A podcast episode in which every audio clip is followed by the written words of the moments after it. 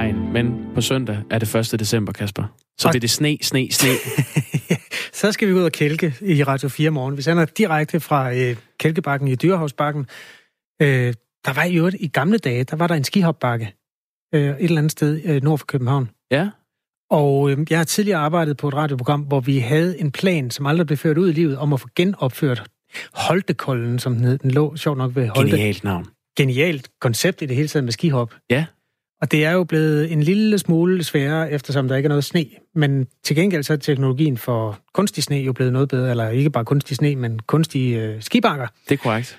Så øh, lad det være en øh, form for teaser. Inden vores øh, nuværende sendeaftale udløber om otte år, så har jeg i hvert fald gjort en eller anden form for øh, indsats for at få en skihopbakke i Danmark. Den er lagt ud. Værsgo.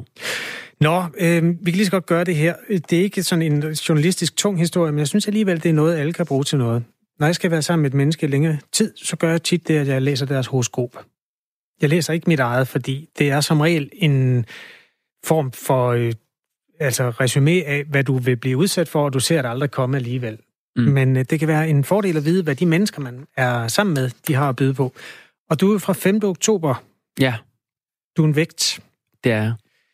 Jeg læser her Jakob Grosens øh, horoskop for dagen i dag, den 27. november Åh. 2019. Spændende. I dag skal du huske at tænke dig godt om, før du åbner munden. Ja, det er for sent nu. jeg har stået og sendt radio i to timer. Men ja, Hvis ikke du gør det, kan dit eget og din families rygte lide stor skade. shit. Dine kreative talenter kan vise sig at være kilden til ekstra indkomst, hvis du kan finde en måde at bruge dem. Okay. Ja. Har du tjent nogle penge sådan for nylig ved at være kreativ? Øh, ja, ja, har jeg det? Det er faktisk lidt tvivl om. Er det kreativt, det jeg sidder og laver her? Ja, det kan man godt kalde det. Den rammer jo spot on. Hvis der står noget om, at jeg har brug for, øh, for lys og luft og kærlighed for at, øh, at trives, så er den jo hjemme, ikke? Det står der ikke en skid om. Der Nå. står, øh, du kan være ganske udadvendt i dag. Måske lidt for udadvendt. Men hvis Ja. du kan holde dig selv på måtten, så kommer dagen til at blive fin. Okay, det var da alligevel rimelig konkret. Ja. Og, og så er der en lille bit øh, note om i aften. Aftenen ser ud til at byde på hygge og godt selskab hjemme eller ved andre. Okay. Så det bliver jeg har ikke lagt planer endnu. Lad den, øh, man kan skrive ind i den forbindelse på 1424 og starte din øh, kommentar med R4. ja, og husk, hvis du skal være sammen med nogen i dag, så læs lige deres horoskop for en god ordens skyld. Der ligger alle mulige fremragende horoskoper på den hjemmeside, der hedder horoskopnettet.dk. Jamen tak for det, Kasper. Velkommen. Klokken er 8 minutter over 8. Og øhm, åh, skal vi ombord i Blackstone nu? Ja, eller Kæreby, fordi uh, selskabet Blackstone, det har været i vælten det seneste øh, års tid i, i Danmark. Selskabet det er jo blevet kendt for at købe ejendomme op, presse øh, priserne op ved at, at renovere øh, lejlighederne, hive det øh, eksisterende køkken og bad ud og erstatte det med nyt, og så sætte huslejen op til det dobbelte, eller mere for nye lejere.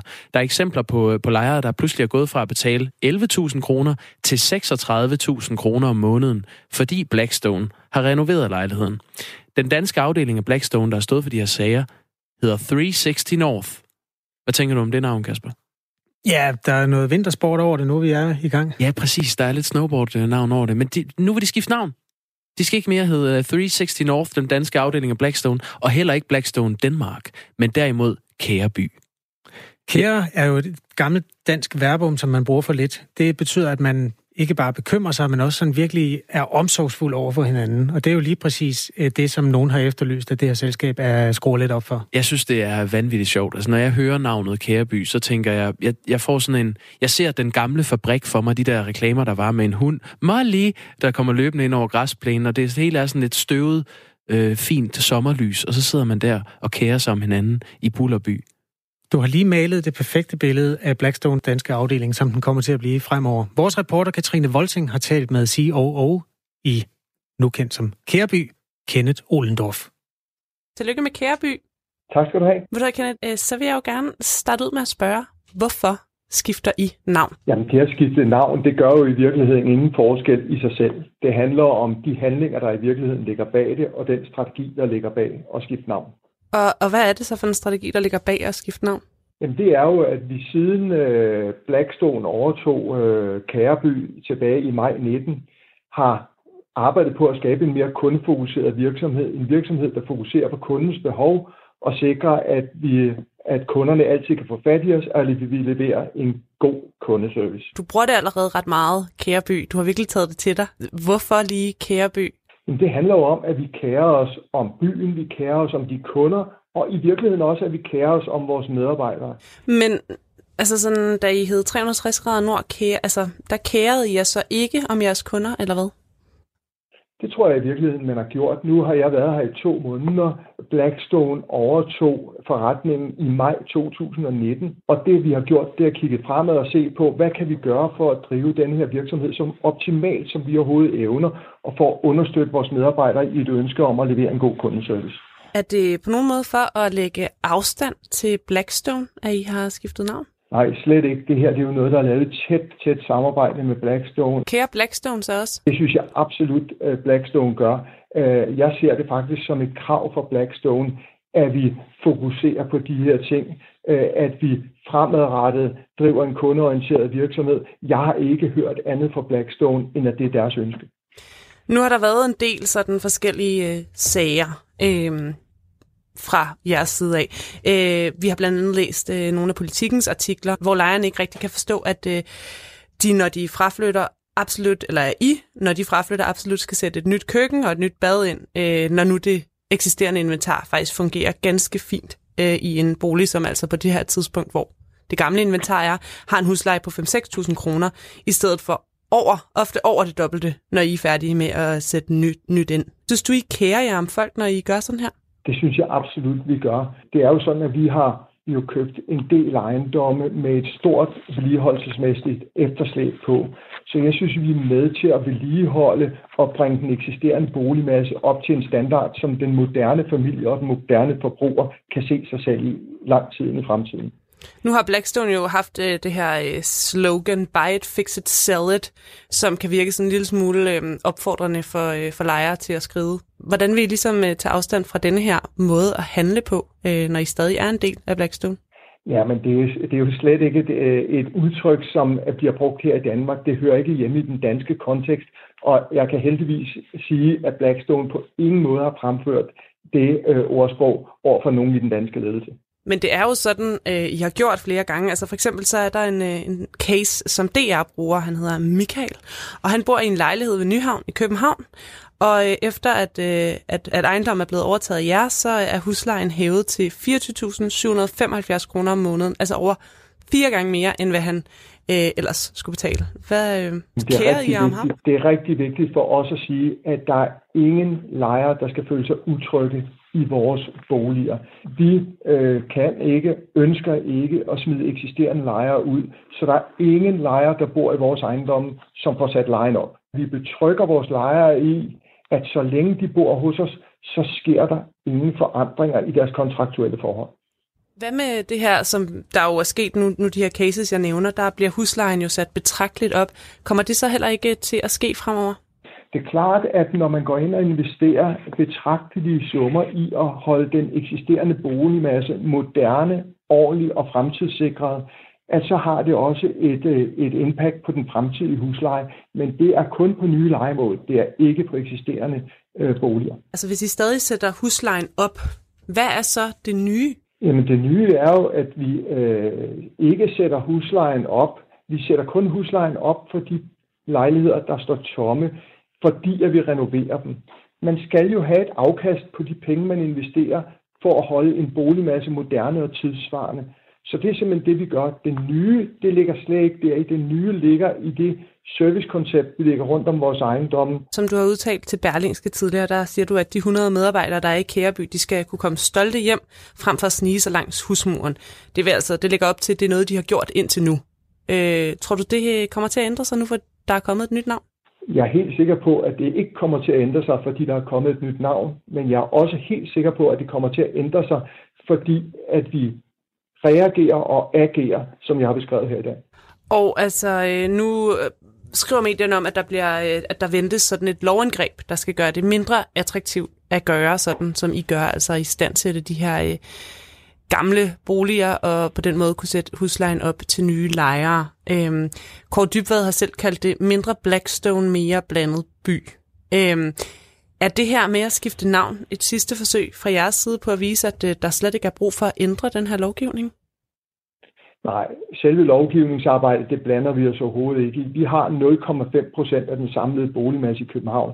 Vi mener ikke, det er op til os at påvirke øh, lovgivningen.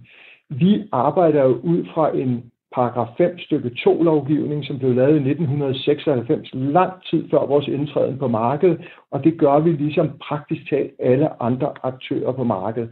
Så det ligger ikke også for og, og, og, og have en holdning til, hvordan lovgivningen kommer. Vi kommer til at følge den lovgivning, der bliver vedtaget. Og Det vil altså sige, at I lægger total afstand til jeres tidligere adfærd med at øh, købe lejere ud af, af, af boliger, som, som I tidligere har, har gjort. Det lægger vi klart afstand til, at vi kommer ikke til at købe lejere ud af, vor, ud af vores boliger i fremtiden, og det har vi ikke gjort siden Blackstone overtog i maj 2019. Øh, det, det handler om for os, det er, når man bor i en kæreby bolig, så skal man være tryg ved at bo der, og være sikker på, at man kan bo der lige så længe man vil. Det var altså Kenneth Olendorf, vi hørte her. Han er COO i Kæreby. Altså det, man som ellers har, har kendt som Blackstone, men som fra nu af hedder Kæreby her i Danmark. Klokken er 16 minutter over 8. Du lytter til Radio 4 morgen. Jeg synes, vi skal reklamere lidt for et tv-program, som altid er meget velorkestreret og meget velproduceret, og som så alligevel en gang imellem ryger ud af rammen, og det er lige præcis der, det program går fra at blive, være driftsikkert og nydeligt til at blive legendarisk. Jeg snakker om aftenshowet på DR1. Det er det program, der tidligere gav os kokosnødmanden. Kan du huske den? Ja, ham husker jeg kun alt for godt. Ham, der skulle uh, hakke, uh, hvad var det? Han skulle slå en rekord i kokosnød uh, slagning. Ja. Ja, det gjorde han ikke, fordi det regnede. Han var en øh, karatefyr af fineste skuffe, men de havde øh, lagt alle de der kokosnødder på en, en togskinne, som var blevet våd. Ja, og han, han slog sin hånd ganske forfærdeligt. Øhm, æret være mindet om det klip. Vi håber, kokosnødmanden har det godt i hånden igen. Nu er der kommet en ny øh, ind i top 3, og det var noget, der udspillede sig i forgårs med den folkekære tv-vært Buber. Øhm, Buber har jo gjort det, som mange mennesker kommer ud for i deres kærlighedsliv. Han har mødt øh, en anden end den, han sådan sædvanligvis er sammen med, og der er underkøbet kommet frugt ud af det. Så øh, Bubber har gjort en kvinde gravid. Det har han bokset lidt med, sådan at få øh, den historie vendt til noget positivt. Ja, men han har været meget åben omkring det, må man sige. Og det tjener han til ære. Men det var ikke det, han var i aftenshowet for at tale om. Han havde i hvert fald en underliggende dagsorden, i det, da han troppede op i forgårs, om at øh, han gerne vil tale om ulandskalenderen. Buber er jo, foruden sine mange andre aktiviteter, en mand, der er, gerne bruger noget af sin kendiseffekt til at skinne på dem, der ikke har det så godt. Der er nogen, der ikke kommer i skole i de fattige lande. Det vil Buber gerne ind og tale om. Og derfor blev han jo meget velanbragt sat i den ene side af det tremandspanel, som skulle vende nyhedsstrømmen. Og så fik han jo lige selvfølgelig et enkelt spørgsmål omkring det, der skete omkring ham.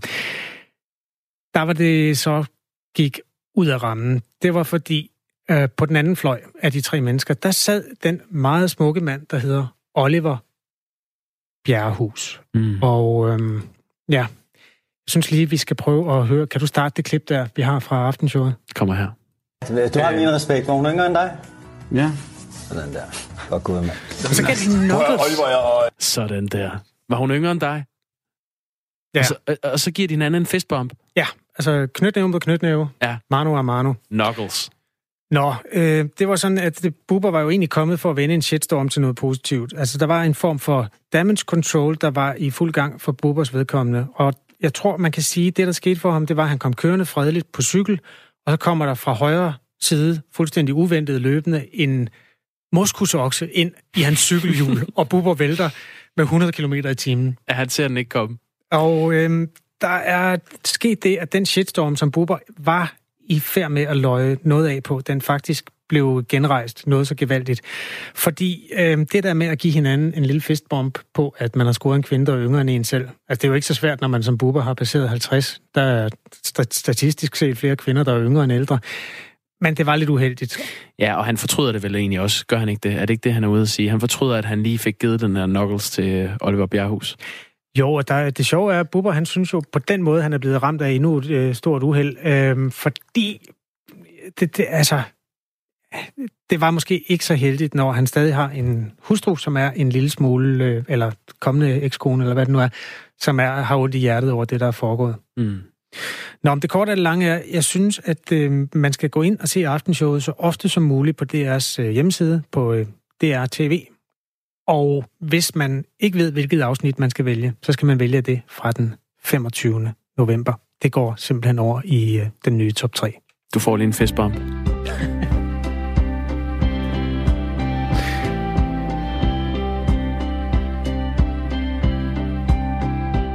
Så fik jeg startet den der, og det er tegnet til, at vi skal ombord i en anden historie, fordi klokken er blevet 20 minutter over 8, og vi skal se på en ny form for sædbank. Ja, det er verdens første HIV-positive sædbank. Den er åbnet i New Zealand. Øh, det kunne man også høre i, øh, i nyhederne her på Radio 4 her til morgen. Formålet med sædbanken er at mindske stigmatiseringen af HIV-smittede øh, personer. Godmorgen, direktør i AIDS-fondet Andreas Gylling Æbelø. Godmorgen, godmorgen. Godmorgen. Er det her en god måde at mindske stigmatiseringen af HIV-smittede personer? Det synes jeg faktisk, det er. Jeg synes, det er en ekstremt stærk måde øh, at sætte fokus på, på noget af det, som har omgæret HIV-diagnosen aller, aller øh, mest øh, gennem årtierne. Altså det her med øh, faren for øh, at blive smittet, øh, jo særligt øh, gennem sæd og blod, som er øh, de måder, HIV øh, kan smitte på. Øh, og det her, det kunne man jo ikke have gjort, øh, hverken i 80'erne eller 90'erne, øh, fordi dengang var der jo øh, en epidemi. Øh, det er der øh, stadig øh, mange steder i, øh, i særligt på det afrikanske kontinent, men det var der også her i Danmark eksempelvis. Der fandtes der ikke nogen behandling, øh, og det betød, at øh, HIV øh, smittede, og folk øh, på et tidspunkt ville få øh, diagnosen øh, AIDS og dø af det. Der er vi ikke i dag. Øh, vi er et helt andet sted i dag, hvor, hvor, hvor hvis man er velbehandlet øh, med HIV, så kan man simpelthen ikke smitte videre. Det er fysisk umuligt. Det er der bare mange, der ikke ved. Og derfor er det her øh, et ekstremt øh, stærk måde at, at, at, at sætte fokus på det på. Andreas Gylling Æbelø, altså forklar os lige, så vi forstår det. Altså en sædbank med HIV-positiv sæd, hvad, hvad indebærer ja. det i praksis? Altså med det forbehold, at det jo altså ikke er mig, der, der har siddet nede i New Zealand og åbnet det, åbnet den, så, så, er, så er min forståelse af historien, og det jeg øh, er blevet briefet om, øh, og også har læst i nyhederne, at det fungerer fuldstændig øh, ligesom en hvilken som helst anden sædbank, men det altså er øh, mennesker, øh, mænd øh, med HIV, som, som har doneret øh, sæden. Øh, og det der jo altså er øh, budskabet i det, udover at det forhåbentlig kan hjælpe nogle øh, mennesker med at blive gravid, øh, og det er, jo, det er jo, må jo trods alt være det primære mål med en sædbank, tænker mm. jeg. Men så er der jo altså selvfølgelig også det, det, det kommunikative twist i det her, at det understreger fuldstændig klokkeklart, at, at, øh, at er man velbehandlet, så er, er, er sæd øh, fra øh, en HIV-positiv mand øh, simpelthen øh, totalt øh, ufarlig. Og det ved vi øh, allerede. Det har vi sådan set vidst øh, i nogle år. Øh, og der er også øh, folk øh, her i Danmark, øh, HIV-positive, der, der får børn, øh, havde jeg sagt, på gammeldags øh, maner. Øh, tag, en, øh, tag en mand, som, øh, som jeg tror mange kender, sangeren Thomas Budensjøen, som, øh, som har fortalt åbent om, om sin øh, HIV-status. Øh, han har øh, fået to børn, øh, øh, ja, øh, fuldstændig som, som de fleste andre får børn. Så det er altså det, der er virkeligheden af nu 2019. Øh, og det synes jeg er et fantastisk øh, budskab. Nu er det World AIDS Day her den 1. december. Øh, tænk en gang, at vi er kommet så langt øh, siden dengang, hvor, hvor epidemien rasede herhjemme. Så, så bare lige for at, at slå det fast med syvtommersøm, er, er det sikkert at benytte sig af en HIV-positiv donor? Fuldstændig. Øh, fuldstændig. Øh, det er det. Øh, ligesom, øh, ligesom det er, er, er sikkert øh, at, øh, at, at dyrke sex øh, uden kondom øh, Øh, med et menneske, der, der er, der er HIV-positiv og er velbehandlet, øh, så er der alle mulige andre gode grunde til at bruge kondom, hvis man vil undgå at blive gravid, eller hvis man vil, have, hvis man vil undgå seksuelt overførbare infektioner i øvrigt. Men i forhold til HIV, Øh, hvis man er velbehandlet, så, så kan man simpelthen ikke øh, smide videre. Det fik vi jo et, et stort internationalt studies øh, ord for øh, sidste år i dansk ledet studie øh, faktisk, hvor man havde undersøgt øh, blandt, øh, blandt tusinder af, af HIV, eller af tusinder af par, hvor den ene var HIV-negativ, øh, altså ikke havde HIV, og den anden var HIV-positiv øh, og velbehandlet. Der har der simpelthen været en, en, en 0% smitteoverførsel øh, blandt de her par. Så, så videnskaben taler sit tydeligt sprog, og, og derfor kan man også sige, at det, der er det vigtige nu, det er, at vi kan gøre meget med fakta. Jeg kan være i radioen, og vi kan lave oplysningskampagner osv., men det er jo sådan nogle stærke symboler. For lad os bare være ærlige, der er også noget symbol over, over den her New Zealandske sædbank, vel er der mm. så? Mm. Men det er altså de her stærke symboler, vi også også har brug for til at formidle den sidste del af, af, af myterne væk. Og det er jo et World AIDS Day på søndag, den 1. december. Mm. Æh, de her folk bag sædbanken, de siger ligesom dig, at en HIV-positiv sædbank er fuldstændig sikker.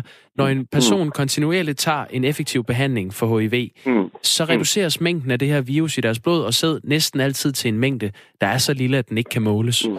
Så ja. spørgsmålet er jo selvfølgelig, skal vi have en HIV-positiv sædbank i Danmark? Det ville jeg synes var oplagt, øh, hvis der var nogen, øh, der tog initiativ til. Det var lige før, vi skulle gøre det øh, selv her i, her i aids Det vil jeg da ikke udelukke. Fordi vi ved faktisk, at, at der er, det har vi også fået henvendelse om en gang imellem her, her i organisationen, mennesker med HIV, som, som eksempelvis har svært ved at få hjælp til, til fertilitetsbehandling. Det kan være en homoseksuel mand, der har HIV og gerne vil, vil, vil, vil lave et øh, regnbuebarn, som det populært hedder, med, med måske en veninde eller et lesbisk par. Og der er det altså svært, hvis, hvis manden øh, har HIV. Øh, så, så vi kan sådan set se, at der er en række eksempler, hvor mennesker med HIV øh, stadig bliver diskrimineret øh, på grund af nogle af de myter, øh, der, der er øh, tilbage fra 80'erne og 90'erne og til dels 0'erne. Og det kan jeg sådan set godt forstå. Altså, jeg har, jeg har ikke noget ærne med at skille folk ud øh, og sige, at de tænker eller gør noget forkert. Min og vores opgave er bare at, at, at komme på banen med fakta, så vi kan få de sidste myter væk. Fordi når nu vi er så langt, som vi er med den medicinske øh, behandling, øh, så er det ærgerligt, hvis vi ikke kapitaliserer øh, fuldt ud på det og sikrer, at mennesker med HIV så også kan leve øh, fulde og hele og, og gode liv, øh, ligesom alle andre. Øh, så, så ja, lad os, øh, lad os da helt klart få en, øh, få en helt positiv sædbank i Danmark også. Hvordan kommer I til at markere øh, World AIDS Day her den, den 1. december i AIDS-fondet? Jamen det gør vi øh, traditionelt sådan på forskellige vis. Dels, dels med jo at, at formidle budskabet, som jeg gør lige nu, og det vil jeg have travlt med at gøre i dagene frem til, øh, til søndag. Så er der øh, aktiviteter både i Aarhus, Odense og København øh, på søndag. Øh, forskellige kulturaktiviteter. Der vil være filmvisninger. Øh, I København har vi en, en julekoncert øh, med overværelse af blandt andet prinsesse Marie i, i det, der hedder Trinitatis Kirke i København. Der vil blive tændt lys, og, og på, på den måde er der forskellige markeringer af den her dag, som jo både er en dag, hvor man, hvor man mindes øh, dem, som var, dem, som, som sygdommen tog, dengang øh, man ville blive syg af HIV og, og få AIDS og dø. Men så bruger vi jo altså også dagen til netop at markere øh, de mange fremskridt, øh, der, der er øh, og har været de seneste år, som er noget af det, der også kan, kan hvad kan man sige, giver os troen på, at vi kan nå det endelige mål. Øh, og det er vores budskab på World AIDS Day i år, at, at Danmark øh, bør blive det første land i verden helt uden øh, nye tilfælde af HIV. Øh, kurven er faktisk knækket. Øh, HIV-tallene går den rigtige vej øh, i Danmark, og der er det så vigtigt, at man bruger det momentum til faktisk at, at intensivere indsatsen, i stedet for at læne sig tilbage øh, og sige, at så går det nok. Det sagde Andreas Gylling Æbelø, direktør i AIDS-fondet. Tak for det. Tak selv. Klokken er blevet øh, 8.28, og vi kan lige nå at tage et par sms'er fra bunken. Vi har tidligere på morgen beskæftiget os med de syv øh, nye ansatte pressechefer eller kommunikationschefer, eller hvad man nu kalder det, alt efter hvilket ministerium de er ansat i. Det er både Skatteministeriet, Erhvervsministeriet, Kulturministeriet, Børne- og Undervisningsministeriet, Udlænding- og Integrationsministeriet og Klima-, Energi- og Forsyningsministeriet, hvor der er ansat embedsfolk, altså folk i embedsværket med en baggrund, der peger på Socialdemokratiet. Og øh, syv ud af ni er mange, selvom der siges at være mange røde journalister. Det har også betydet, at der er blevet rejst en øh, kritik af regeringen og dens valg, eller ikke valg, øh, af embedsfolk. Da vi talte med politisk ordfører Jesper Petersen, sagde han jo, at det var i hvert fald ikke noget, der var udstukket fra centralt hold. Nej, og vi fik en uh, masse sms'er på dem, Kasper. Lad os lige se, om vi kan finde nogen frem her. Der ligger et par stykker øverst. Der er blandt andet en, der skriver, det er vel ikke helt utænkeligt, at der ganske enkelt lå flere ansøgere med socialdemokratisk baggrund i ansøgningsbunken. Hvor mange nye borgerlige og eller LA'ere drømmer lige om at arbejde for en socialdemokratisk regering. Det er sgu da ikke så underligt igen. En veganerkok søger nok heller ikke et job på Jensens Bøfhus. Der er også en, der skriver, hvad er problemet med at sprede ordet? Det var Astrid Krav, der havde bredt ordet i sit øh, bagland om den her stilling, som, øh, som vi taler om. Hvis man kender til en ledig, velbetalt stilling, hvordan fik I selv jeres jobs? Det kan jeg godt svare på. Jeg øh, fulgte med. Altså, jeg arbejdede for Danmarks Radio dengang, og så fulgte jeg med i, hvordan det gik med Radio 4, og, eller det vidste vi jo ikke, den hed, men den 4. FM-kanal, hvor den havnede henne, og da jeg fandt ud af, at den havnede i min by, så så jeg de opslag, der kom, og så skrev jeg en ansøgning. Det er jo, det er jo min historie, du har taget der, Kasper. Okay. Jeg Så- arbejdede også for DR, men det var så i København, men boede i Aarhus, og da Radio 4 så startede, så sendte jeg en ansøgning. Blev du spurgt, om du var socialdemokrat? Nej, Nej. det er ikke et kriterie.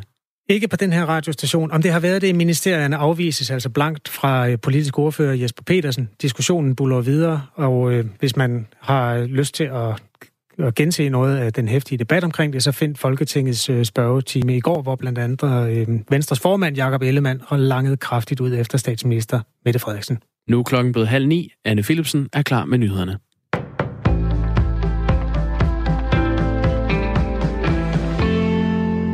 Bankerne vil have fælles IT-løsninger i kampen mod hvidvask. I dag kommer en hvidvask taskforce med 25 anbefalinger til at bekæmpe hvidvask. Taskforcen blev nedsat sidste år af Finans Danmark, der er interesseorganisationen for den finansielle sektor. Og en af de mest omfattende anbefalinger fra dem, det er altså planerne om fælles IT-løsninger. Ulrik Nødgaard, der er administrerende direktør i Finans Danmark, siger, at sektoren allerede er gået sammen om at kortlægge og undersøge mulighederne for en fælles IT-enhed.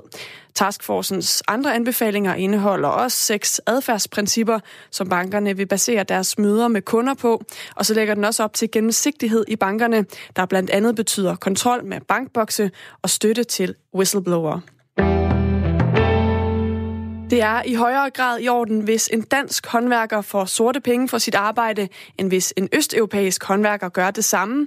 Det svarer de adspurgte i en ny undersøgelse fra Rockwool-fonden, skriver Jyllandsposten. Undersøgelsen er lavet blandt 1600 personer, og mens hver fjerde synes, det er okay, hvis en dansk håndværker tjener 1500 kroner sort hver måned, så er det kun 9 procent, der synes, det er okay, hvis en østeuropæisk håndværker gør det samme. Per Ebbesen Skov er en af forskerne bag undersøgelsen, og han siger, at det kan skyldes, at nogen tænker, at udlændinge de ikke betaler skat i Danmark gennem hele livet, i modsætning til danskere. Et muligt bud kunne jo være, at vi tænker, at en dansk håndværker set over et livsforløb har en fastere tilknytning til det danske arbejdsmarked, og derfor bidrager mere til statskassen. Øhm, og på den måde kan man så bedre acceptere sort arbejde. Skatteminister Morten Bødskov siger, at han ser med alvor på resultatet af den her undersøgelse. Han siger, at udfører man sort arbejde, er man på den gale side, og så er det egentlig fuldstændig ligegyldigt, hvor man kommer fra, eller hvilken baggrund man har, siger han til Jyllandsposten. Regeringen i Albanien har erklæret i dag for national sørgedag efter et voldsomt jordskælv ramte landet i går. Indtil videre har skælvet kostet mindst 21 mennesker livet, det skriver nyhedsbyrået AP. Nabolandet Kosovo, der har en stor albansk befolkningsgruppe, har også erklæret sørgedag i dag. For første gang nogensinde har Kina nu flere diplomatiske ambassader og konsulater i verden, end USA har. Med 276 placeringer er kineserne nu nummer et i verden, og det ligger foran USA og Frankrig. Det viser et tal fra Global Diplomacy, Diplomacy Index, hedder det. Flere end 70 millioner seere har fulgt med i dele af de tv-transmitterede høringer, der sker i rigsretsprocessen mod USA's præsident Donald Trump for tiden. Det viser data fra Nielsen Media Research's seertalsmålinger.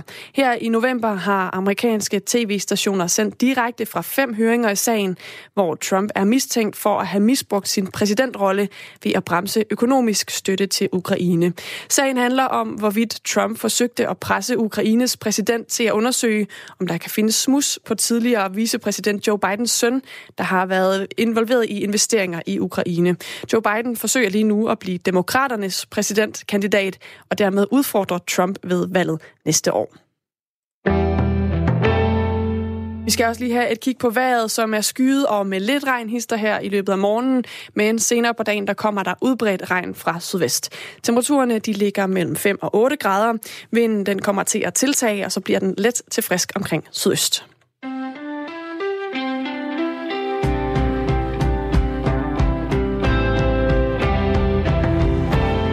Der er lavet et rigtig godt eksperiment med smerte på et universitet i New Hampshire i Guds eget land.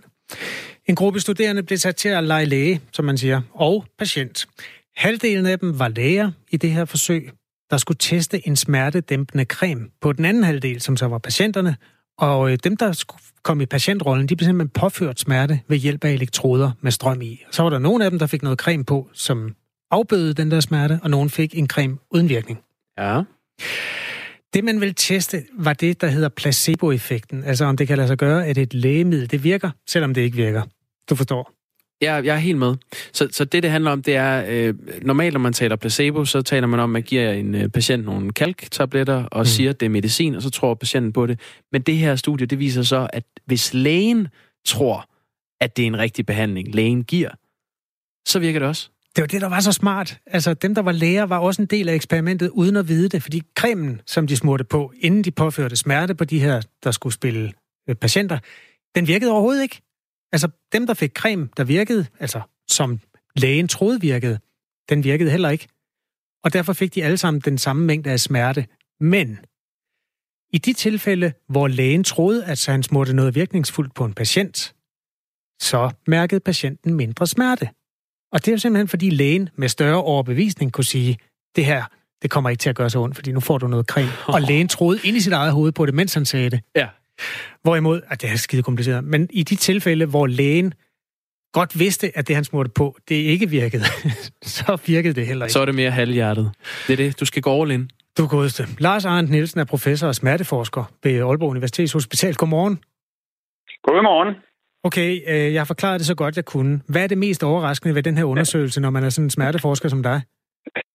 ja, det er jo lidt kompliceret. Men øh, det, det faktisk viser, det er, at der er en dobbelt placeboeffekt. placebo-effekt. Altså, som I selv siger, jamen, så har vi vidst i mange år, at giver man patient øh, en, en, en kalkpille, og man, øh, og man forklarer, at det er en, øh, en, et virke, en virksom øh, pille, jamen, øh, så virker den. Nu har man så bare vist, at øh, det betyder også meget, om behandleren tror på, øh, at en given behandling er effektiv.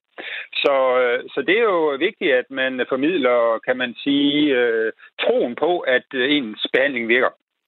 Du har jo en bedre torturkælder, fordi du har også forsket i smerte med forsøgspersoner osv.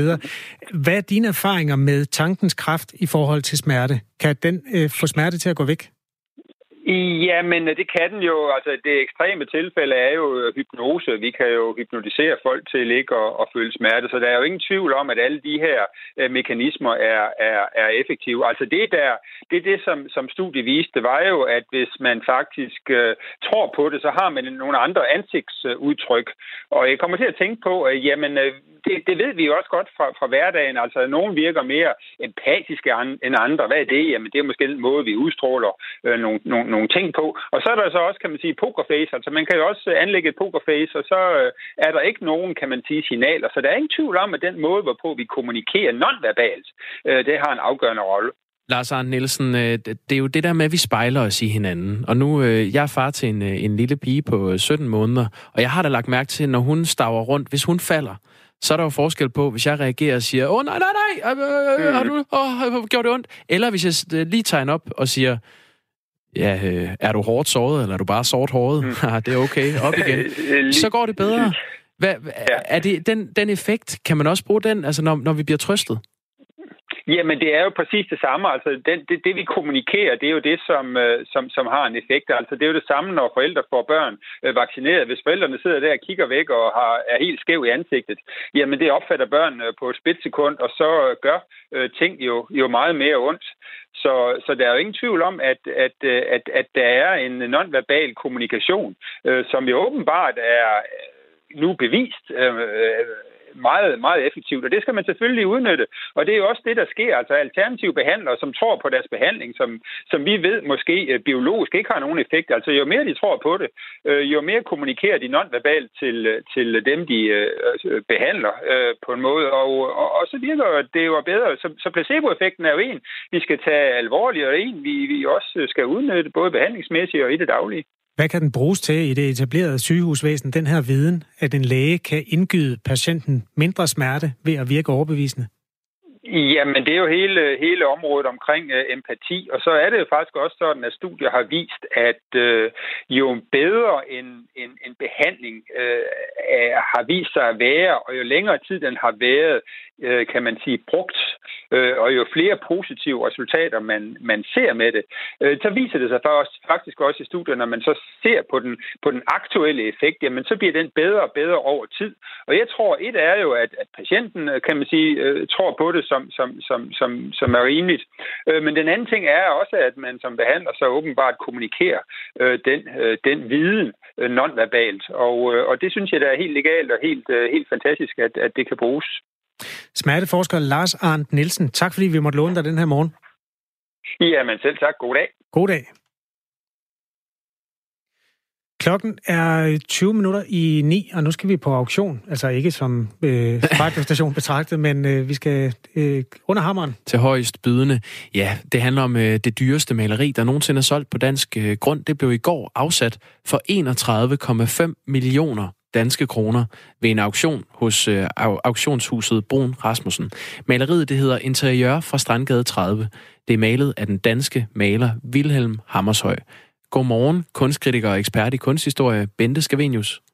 Godmorgen. Godmorgen. Hvad er det ved det her maleri, der sådan malerteknisk er så unikt, at det er 31,5 millioner kroner værd? Hammershøj har jo en position i kunsthistorien, som i sig selv er unik. Han øh, har en åndfuldhed, en indfølningsevne og en meget, meget, hvad skal man sige, fin øh, komposition, som øh, øh på en måde inddrager publikum eller øh, beskueren, så man bliver sådan helt stemt i sit sind. Han kan noget helt, helt specielt med øh, sine meget metafysiske værker, og det tror jeg, det er derfor, han har fået det der meget store publikum. Og så har han altid på en eller anden måde været moderne. Han var øh, moderne i sin samtid. Det var ikke altid samtiden synes det. Øh, men han har hele vejen gennem kunsthistorien faktisk stået for noget, man ligesom så som værende sin tid. Så jeg tror, det han rammer tiden øh, på mange måder, og det gør han også i øjeblikket. Det er et billede, der kigger fra en stue hen mod en kvinde, der kigger ud af vinduet. Hun har ryggen ja. til beskueren, sådan en mørk figur. Øh, man kan købe mm. det for 49 kroner som plakat, kan jeg oplyse på internettet. Men originalen koster altså 31 millioner kroner. Ja, jeg vil helst have en originalen. Ja, det kunne jeg da forestille mig. det vil jeg du også. også. øhm, hvor har det været indtil nu? Har du set det før, sådan i for real? Øh, jeg, jeg, kender, jeg kender godt motivet. Øh, jeg ved faktisk ikke, hvor det har været, og jeg ved også, at Brun Rasmussen heller ikke har oplyst det, fordi det er gået gennem en advokat. Øh, så derfor så øh, ved man ikke, eller offentligheden ved ikke, hvem der har ejet det. Okay, men så privat ejer i hvert fald? Men privat ejet, ja. Ja, det blev malet i øh, år 1900, og det er det dyreste maleri, som nogensinde er blevet solgt i Danmark. Et maleri af Edvard Munch fra 1891. Det var med en pris på 6,9 millioner kroner i 2006. Det hed til dyreste maleri solgt på en Jamen, dansk auktion. rigtig, rigtig meget siden. Ja, hvad er det, der, der er sket? Andet, Ja, men det, det forunderlige er, at vi har jo haft en finanskrise, og øh, den gjorde selvfølgelig, at øh, det var svært for mellemgruppen af øh, malere eller kunstnere at klare sig. Men de helt, helt top malere, de klarede sig, eller deres malerier er jo gået til skyhøje priser siden. Og det er fordi folk har investeret i kunst på en helt, helt anden måde. Der aktier og værdipapirer jo har tabt deres værdi, eller tabt til deres værdi. Og så var kunst måske en meget sikre måde, men det skulle være kunst, som man var 100% sikker i og bare investeringen værd. Så derfor er værker af øh, de kunsthistoriske, hvad skal man sige, betydningsfulde øh, kunstnere simpelthen røget i top. Hvor mange mennesker er i stand til at købe øh, malerier til 31 millioner kroner nu om stunder?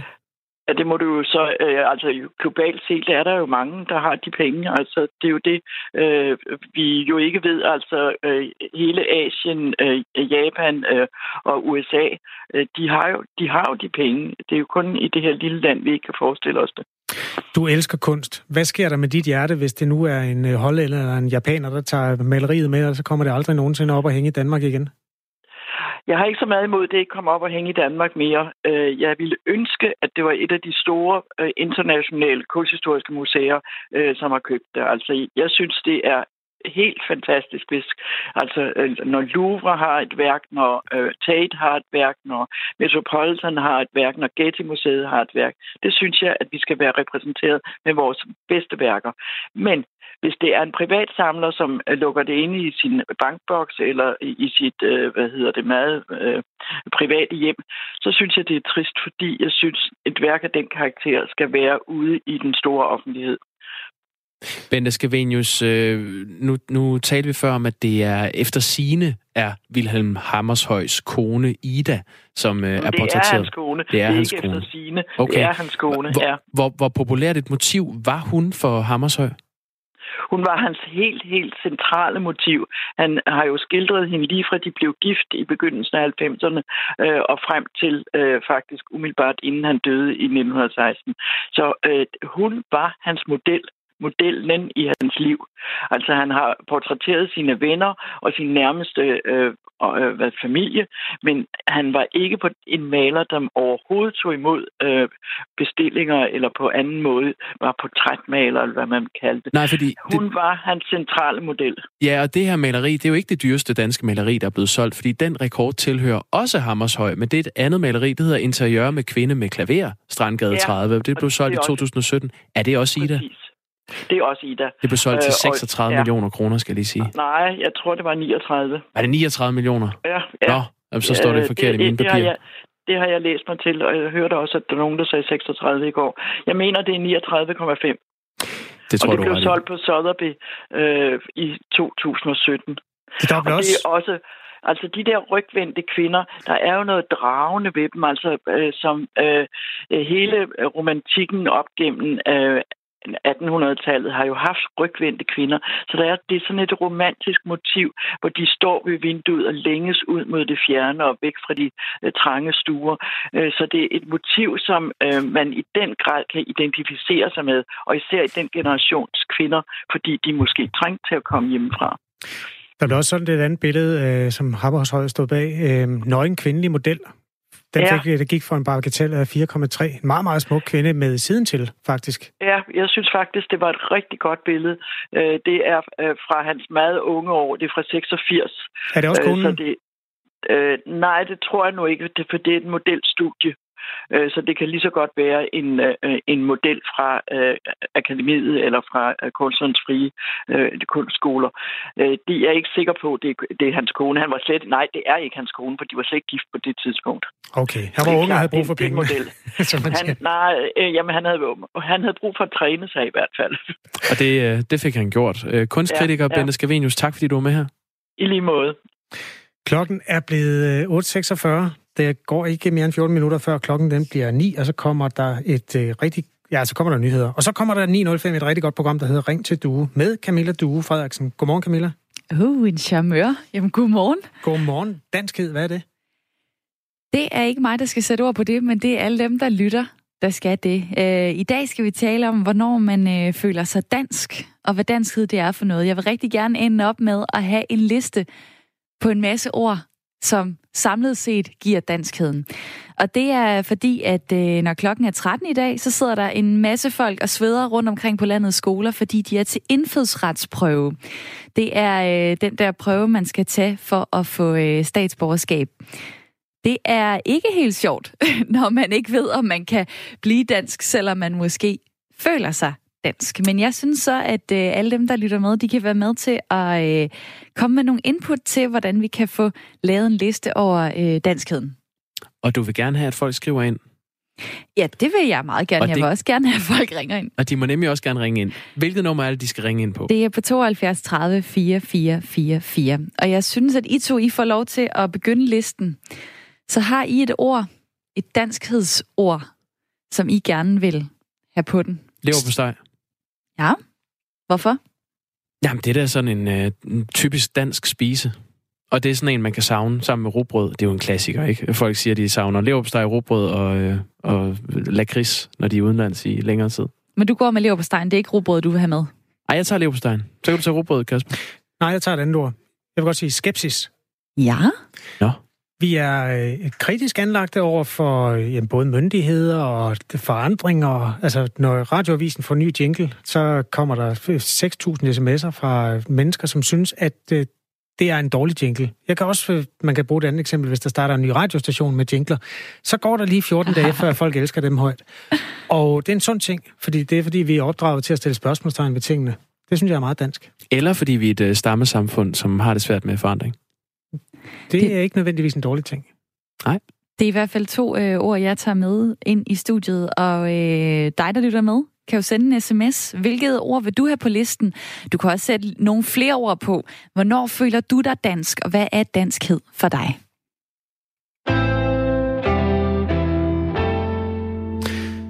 10 minutter i 9.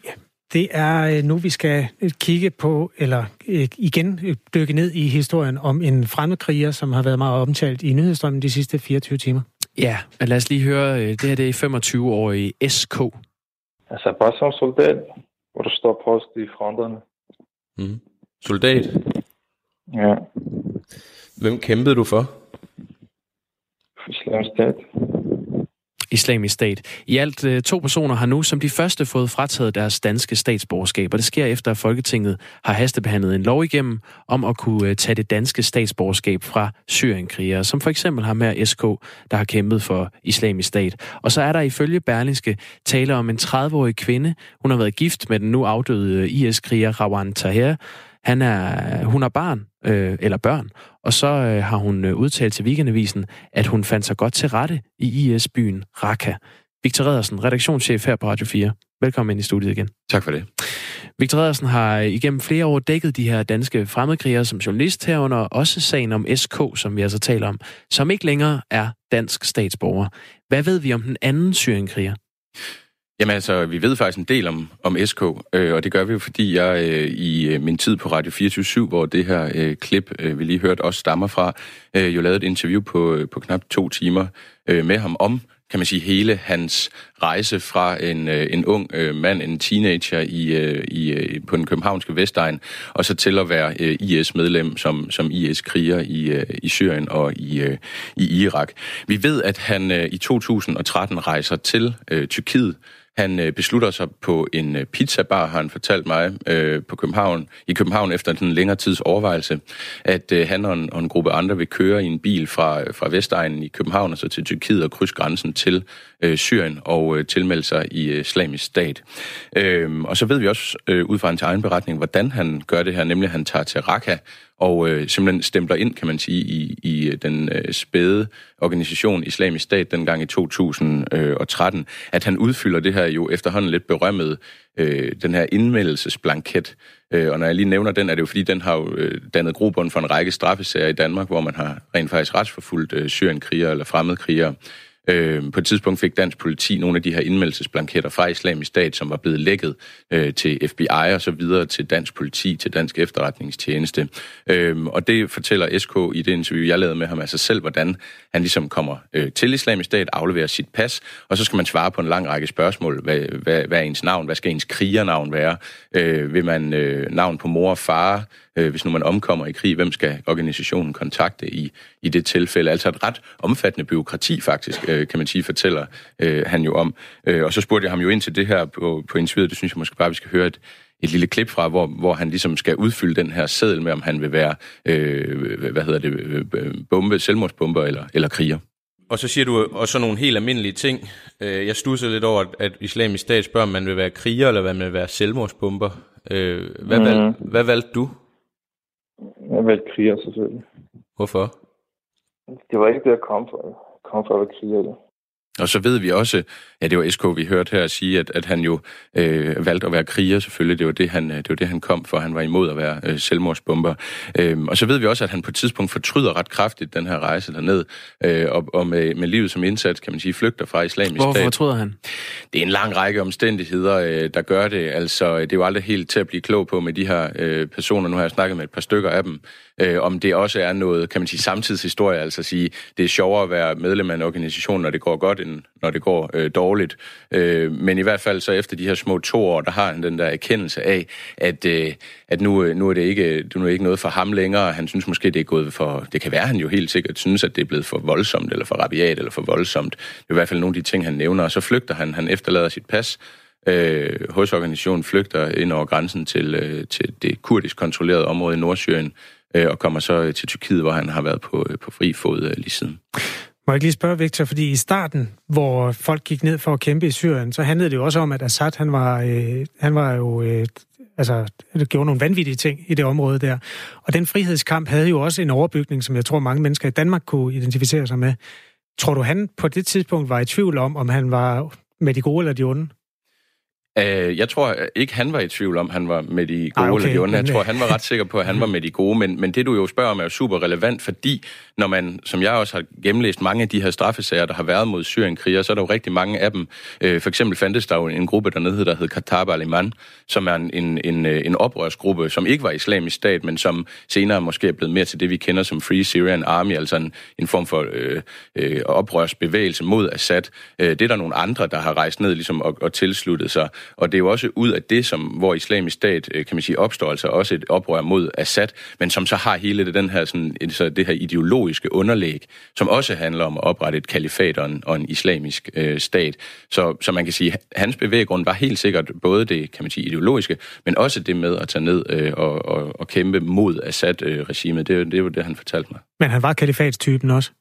Ja, på det tidspunkt melder han sig jo ind i, i, i kalifatet med den ideologi, der var i 13, og det er jo ikke altid, altså jeg kan jo ikke sådan helt redegøre for præcis, hvornår blev islamisk stat mere, end det var i 13 og, og så videre, men, øh, men, øh, men det er klart, der den blanding af, af kan man sige, det, det er jo det, han fortalte mig, den blanding af, af incitamenter, kan man sige, der var både med at kæmpe mod Assad, men også at, at tilslutte sig den her organisation. Og nu er SK så på øh, fri fod i Tyrkiet. Øh, han er blevet frataget sit danske statsborgerskab, men du har talt med ham. Du siger også, du har talt med andre af den her type personer, der tager ned for at kæmpe for islamisk stat. Det kan måske virke lidt underligt, når man sidder og hører det her. Hvordan kommer det i stand? Hvordan får du lov til at tale med en syrienkriger? Men det kom egentlig sådan ret stille og roligt i stand. Altså, vi, vi sad på, den tid, på det tidspunkt på Radio 24 ligesom og kiggede på tallene fra efterretningstjenesten og kunne jo se, at, at øh, altså, jeg tror, vi sad og betragtede det lidt som det her årti store traume. Altså, at, at uh, unge danske mænd ligesom vælger at rejse i krig mod noget, som vi så med, med kan man sige, de år i bagagen jo lige pludselig godt vidste var noget, der sådan jo kæmpede direkte imod de vestlige øh, idealer osv. Så, videre. så vi prøvede egentlig at blive klogere på, eller finde nogle indveje til, indveje til at blive klogere på, hvad var det, der havde motiveret de her mennesker til at tage afsted. Og når man kiggede på efterretningstjenestens tal, så kunne man se, at ca. 150 var udrejst i den her periode op gennem 10'erne. Øh, en del af dem var kommet hjem, men der var også en stor del, der ikke var kommet hjem. Så vi gik simpelthen i gang med at række ud til øh, jamen, altså forsvarsadvokater, alle mulige forskellige personer, for at finde ud af, øh, var der nogen, der havde et, et kendskab til de her personer, som kunne sætte os i forbindelse med det. Og sådan en aften, så øh, får jeg så muligheden for at interviewe SK over en, en øh, WhatsApp, tror jeg, forbindelse fra øh, Tyrkiet. Der er faktisk kommet en sms fra en af Radio 4's lyttere tidligere på morgen, som skriver, hvem betaler egentlig advokatregningen for IS-terroristerne? Mm. Nu bragte du lige øh, forsvarsadvokaten op. Er det Mette Grits Dage? Det er SK har Mette Grits Dage. Hvem betaler? Ja, det er jo sådan, øh, hvis vi skal prøve at sige noget lidt mere overordnet om det, fordi at øh, det første, man kunne sidde og tænke på, det er, kan man få fri proces som, som syrienkriger? Det vil jo sige, det den her vej ind i retssystemet, hvor man, man ligesom, hvor alt bliver betalt. Det kan man ikke i straffesager som udgangspunkt. Så det vil sige, så får du når du for eksempel er SK og er i Tyrkiet, og du bliver fængslet det, der hedder en absentia, altså uden at være til stede, du bliver sigtet en absentia uden at være til stede, så får du en beskikket forsvar. Øh, og, og det betyder sådan set, at staten går ind og betaler den regning, indtil der falder dom. Og hvis så øh, SK, øh, og det er jo det, vi skal huske at sige, SK er jo øh, altså sigtet i en terrorsag i Danmark. Mm. Hvis nu han var kommet til Danmark, man havde fuldført den, den straffesag, og han havde øh, var blevet kendt skyldig, jamen så vil regningen sådan set for, for retssagen og retsomkostninger ligge hos øh, SK. Men så er det jo det næste, det er jo igen, kan de så betale? Øh, skal de gældsaneres? Skal, der, øh, altså skal staten gå ind og overtage den regning? Og det kan man ikke sådan svare entydigt på. Øh, det er ikke noget, man sådan har indsigt i som, som journalist eller som offentlighed, hvordan de der enkelt personers private økonomiske forhold ser ud. Men i og med, at han bliver i Tyrkiet, og der ikke bliver nogen retssag øh, højst sandsynligt, så øh, kunne den godt havne hos os. Skal vi sige det på den måde? Det er nok ikke usandsynligt, men spørgsmålet er også, hvor stor regningen overhovedet er, fordi der jo ikke på den måde har kørt en særlig stor sag. Det her SK, det er jo et eksempel ud af 22. Vi ved fra et samråd med øh, justitsminister Nick Hækkerup i går, at der stadig er 22 danske syrienkrigere i udlandet. PET vurderer 11 af dem, de sidder fængslet. 11 er på fri fod, som for eksempel SK. Hvilke dilemmaer er der forbundet med den her nye lov, som er taget i brug, hvor man administrativt kan fratage statsborgerskab fra for eksempel syrienkrigere?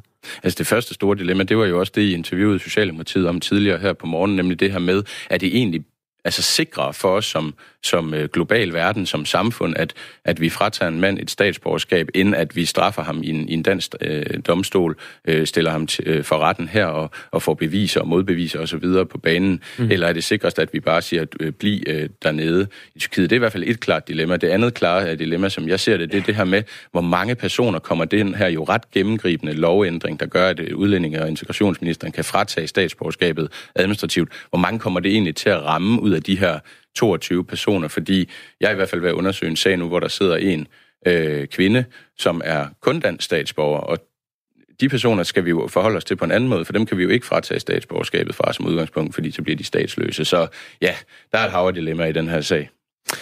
Jeg ved godt, du er redaktionschef, Victor, men du får simpelthen ikke lov at snakke mere nu, fordi øh, klokken den nærmer sig ni.